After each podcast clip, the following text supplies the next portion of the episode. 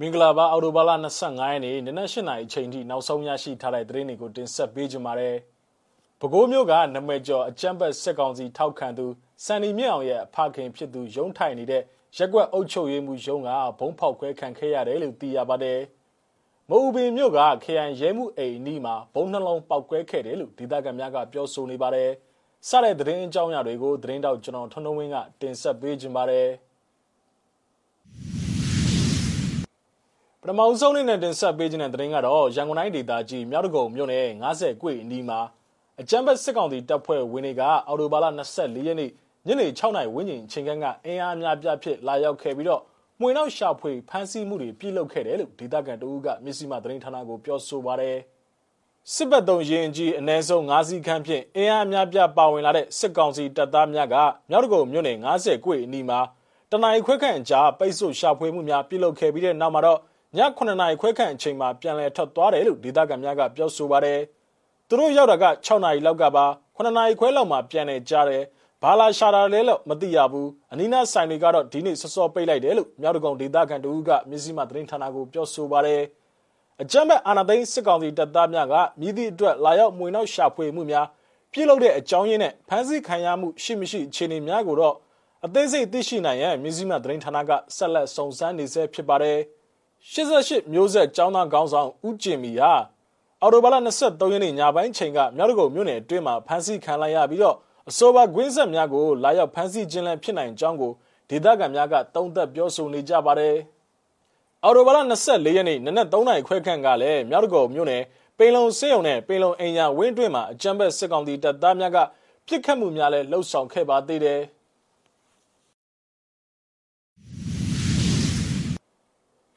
ဆက်လက်ပြီးတင်ဆက်ပေးခြင်းတဲ့သတင်းကတော့88မျိုးဆက်ចောင်းသားခေါင်းဆောင်ကိုဂျင်မီဖမ်းဆီးခံရပြီးတဲ့နောက်မှာတော့အသက်အန္တရာယ်စိုးရိမ်နေရကြောင်းကို၎င်းရဲ့ဇနီးဖြစ်သူမက်နီလာသိန်းကသူ့ရဲ့လူမှုကွန်ရက်စာမျက်နှာကနေတဆင့်ရေးသားထားပါတယ်။ကိုဂျင်မီကအော်တိုဘာလ23ရက်နေ့ညပိုင်းချိန်ကမြောက်တကုံမြို့နယ်အတွင်းမှာဖမ်းဆီးခံရခြင်းဖြစ်ပါတယ်။ကိုဂျင်မီကိုစစ်ကောင်စီတွေဖမ်းဆီးသွားပါတယ်။အသက်အန္တရာယ်စိုးရိမ်ရပါတယ်။ စစ်ကောင်စီဖမ်းဆီးမှုနောက်ပိုင်းဖြစ်ပေါ်လာတဲ့အခြေအနေအလုံးကိုတာဝန်ယူဖြေရှင်းရမယ်လို့မနီလာသိန်းကရေးသားထားတာပါကိုဂျင်မီက1988ခုနှစ်ဒီမိုကရေစီရေးတော်ပုံမှာចောင်းသားခေါင်းဆောင်များတီထောင်ထားတဲ့88မျိုးဆက်ငြိမ်းချမ်းရေးနဲ့ပွင့်လင်းလူအဖွဲ့အစည်း88ငြိမ်းပွင့်ရဲ့အဖွဲ့ခေါင်းဆောင်တဦးလည်းဖြစ်ပါတယ်ကိုဂျင်မီကစစ်တပ်ကအာဏာသိမ်းပြီးဆယ်ရက်ခန့်အကြာမှာဖေဖော်ဝါရီလ23ရက်နေ့မှာရာဇသကြီးပုံမှန်99ခါခွေးပြဖန်ဝရန်ထုတ်ခံထားရသူလည်းဖြစ်ပါတယ်။ နိုင်ငံရေးအကျဉ်းသားတဦးလည်းဖြစ်တဲ့ကိုဂျင်မီယာ1988မှ1996ခုနှစ်အတွင်း၎င်း2009ခုနှစ်မှ2012ထိ၎င်းနိုင်ငံရေးလှုပ်ရှားမှုများကြောင့်နှစ်ရှည်ထောင်ဒဏ်ကြခံရသူလည်းဖြစ်ပါတယ်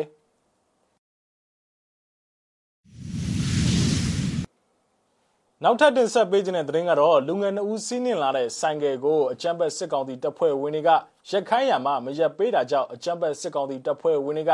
တနက်ဖြစ်ပြစ်ခတ်ခဲ့ရမှာလူငယ်တဦးကပွဲချင်းပြီးတေဆုံးသွားမှုဖြစ်စဉ်ဟာစင့်ကံမြို့နယ်ဖလုံဖိုကျေးရွာမှာအော်တိုဘာလ22ရက်နေ့ညပိုင်းချိန်ကဖြစ်ပွားခဲ့ပါတယ်ဖလုံဖိုကျေးရွာအစိုးရစေးပိတ်ခန့်မှာတက်ဆွဲထားတဲ့အကြမ်းဖက်စစ်ကောင်စီတပ်သားများက၎င်းတို့တက်ဆွဲထားတဲ့လမ်းကြားအတွင်းမှာလမ်းမဝင်ရောက်လာသူကြက်ချံလုံသားလူငယ်နှုတ်ကိုပြစ်တက်ခဲ့ရမှာအသက်30ဝန်းကျင်အရွယ်ကိုရဲထွန်းဆိုသူမျိုးသားဟာတေဆုံးသွားပြီးတော့ကြံတယောက်မှာထွက်ပြေးလွတ်မြောက်သွားတယ်လို့သိရပါတယ်။ ကြက်ချန်တထေးကကလေးတွေကိုကြက်စာသွားယူခိုင်းတာကြက်ကကနောက်ကျတော့အပြန်နောက်ကျသွားတာကနေသူတို့တက်ဆွဲထားတဲ့နေရာမှားဝင်မိတာအဲ့ဒါနဲ့စစ်သားတွေကရက်ခိုင်းတာကြောက်ပြီးမောင်းပြေးတာဆိုင်ကယ်အမြဲမောင်းတော့နောက်မှထိုင်နေတဲ့တယောက်ကပြုတ်ကျကြံခဲ့တာကိုစစ်သားတွေကလှမ်းပစ်လိုက်တာနောက်စီပွင့်သွားတယ်လို့ဖလုံဖိုကျေးရွာဒေသခံတူကဆိုပါတယ်ကိုရဲထုံးရဲ့အလောင်းကိုတော့အကျမ်းဘတ်စစ်ကောင်တီတပ်ကရဲစခန်းကိုတဲဆောင်သွားပြီးတော့အော်တိုဘာလ22ရက်နေ့မနက်ပိုင်းမှာတော့စင့်ကန်အထွေထွေဆေးရုံကိုပို့လိုက်ပြီးဖြစ်ကြောင်းကို မိသားစုဝင်တွေထံကိုအကြောင်းကြားခဲ့တယ်လို့သိရပါတယ်။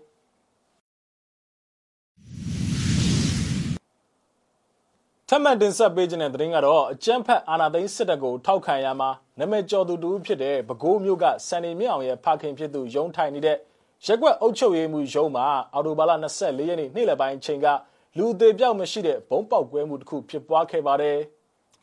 ကလျာဏီရက်ကွက်အုပ်ချုပ်ရေးမှူးဦးမြင့်အောင်ရဲ့ရုံးကိုအော်တိုဘာလ24ရက်နေ့နေ့ကင်း2နာရီချိန်ခန့်ကပြင်ပမှလက်ပစ်ပုံပစ်သွင်းခြင်းခံခဲ့ရပြီးတော့ရုံးတွင်းမှာပျက်စီးမှုအနည်းငယ်ဖြစ်ပွားခဲ့ပါတယ်လူတော့မထိဘူးရုံးကမှန်တဲ့အနေငယ်ပျက်စီးသွားတယ်ဒီရုံးကစန်နီမြင့်အောင်ရဲ့အဖေရုံးလေသူကအမေစုကို Facebook မှာမမရန်ရန်ဆဲလို့ထောင်6လကြာဘူးတယ်အကြီးစားဒလန်ပါသူ့အဖေမြင့်အောင်ကလည်းသူသမီးမြောက်ပေးတာလိုက်လုံနေတာလို့ရက်ွက်သားတို့ကဆိုပါတယ် ရက်ွက်အုပ်ချုပ်ရေးမှုယုံဘုံပေါက်ကွဲမှုဖြစ်ပွားခဲ့ပြီးတဲ့နောက်မှာတော့အုတ်တာမြို့သစ်ရက်ွက်ခုနှစ်မှာရှိတဲ့အုတ်ချုပ်ရေးမှုအိမ်မှာလည်းလက်လုံပုံတွေးရှိခဲ့ပြီးတော့အကြမ်းဖက်စစ်ကောင်စီတပ်ကလာရောက်ရှင်းလင်းခဲ့ပါတယ်ရှင်းလင်းနေစဉ်မှာလည်းပင်စီမီးပွိုင်တွေဖြတ်တန်းသွားလာနေတဲ့ချန်ရှင်းလုံသားအမျိုးသား၃ဦးကိုအကြောင်းမဲ့ရိုက်နဲ့ထိမ့်သိမ်းခဲ့ပါသေးတယ်ပောက်ကွဲမှုဖြစ်ပွားခဲ့တဲ့ရက်ွက်ရုံးရှိမှာနှစ်စဉ်လိုလိုပြည်သူများကိုစစ်ဆေးနေပြီးတော့ဆိုင်ကယ်မောင်းနေသူများကိုလည်းဒဏ်ငွေအမျိုးမျိုးတက်လိရှိပါတယ် အချိန်မတော်အဲစင်းစစ်တယ်သူတို့ခေါ်တာချက်ချင်းထွက်မလာရင်ဆဲတယ်ချင်းချောက်တယ်တနက်တကားကားနဲ့နှာခေါင်းမှာဘူးထွက်နေတဲ့သူ့တပည့်ကမူးမူးနဲ့အော်ဆဲတယ်လို့နောက်ထပ်ဒေသခံတို့ကဆိုပါတယ်အစောပိုင်းရက်ွက်ရုံဘုံပေါက်ကွဲမှုကဒုတိယအကြိမ်ဖြစ်ပွားခဲ့တာဖြစ်ပြီးတော့ပြီးခဲ့တဲ့ဇွန်လ18ရက်နေ့ကလည်းလူသူထိခိုက်မှုမရှိတဲ့ဘုံပေါက်ကွဲမှုတစ်ခုဖြစ်ပွားခဲ့ပါသေးတယ်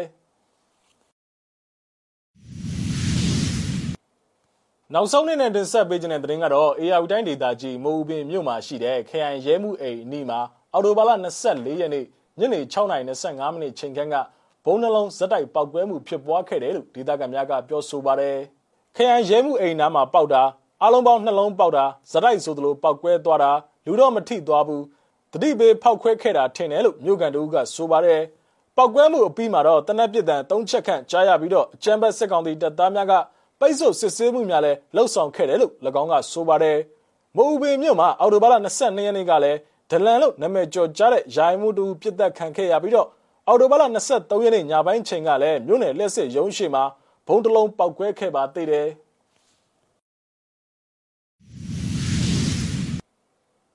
ဟုတ်ကဲ့ပါအော်တိုဘလ25ရက်နေ့နနက်8နာရီချိန်ထိနောက်ဆုံးရရှိထားတဲ့သတင်းတွေကိုကျွန်တော်တို့မြစည်းမဝိုင်းတော်သားများကနေပြီးတော့တင်ဆက်ပေးခဲ့တာပါ မြန်မာပြည်နဲ့မှနေထိုင်တဲ့မိဘပြည်သူတွေအကုန်လုံးဘေးရန်နဲ့ကင်းရှင်းကြပါစေလို့ဆုမကောင်းတောင်းပန်ပါတယ်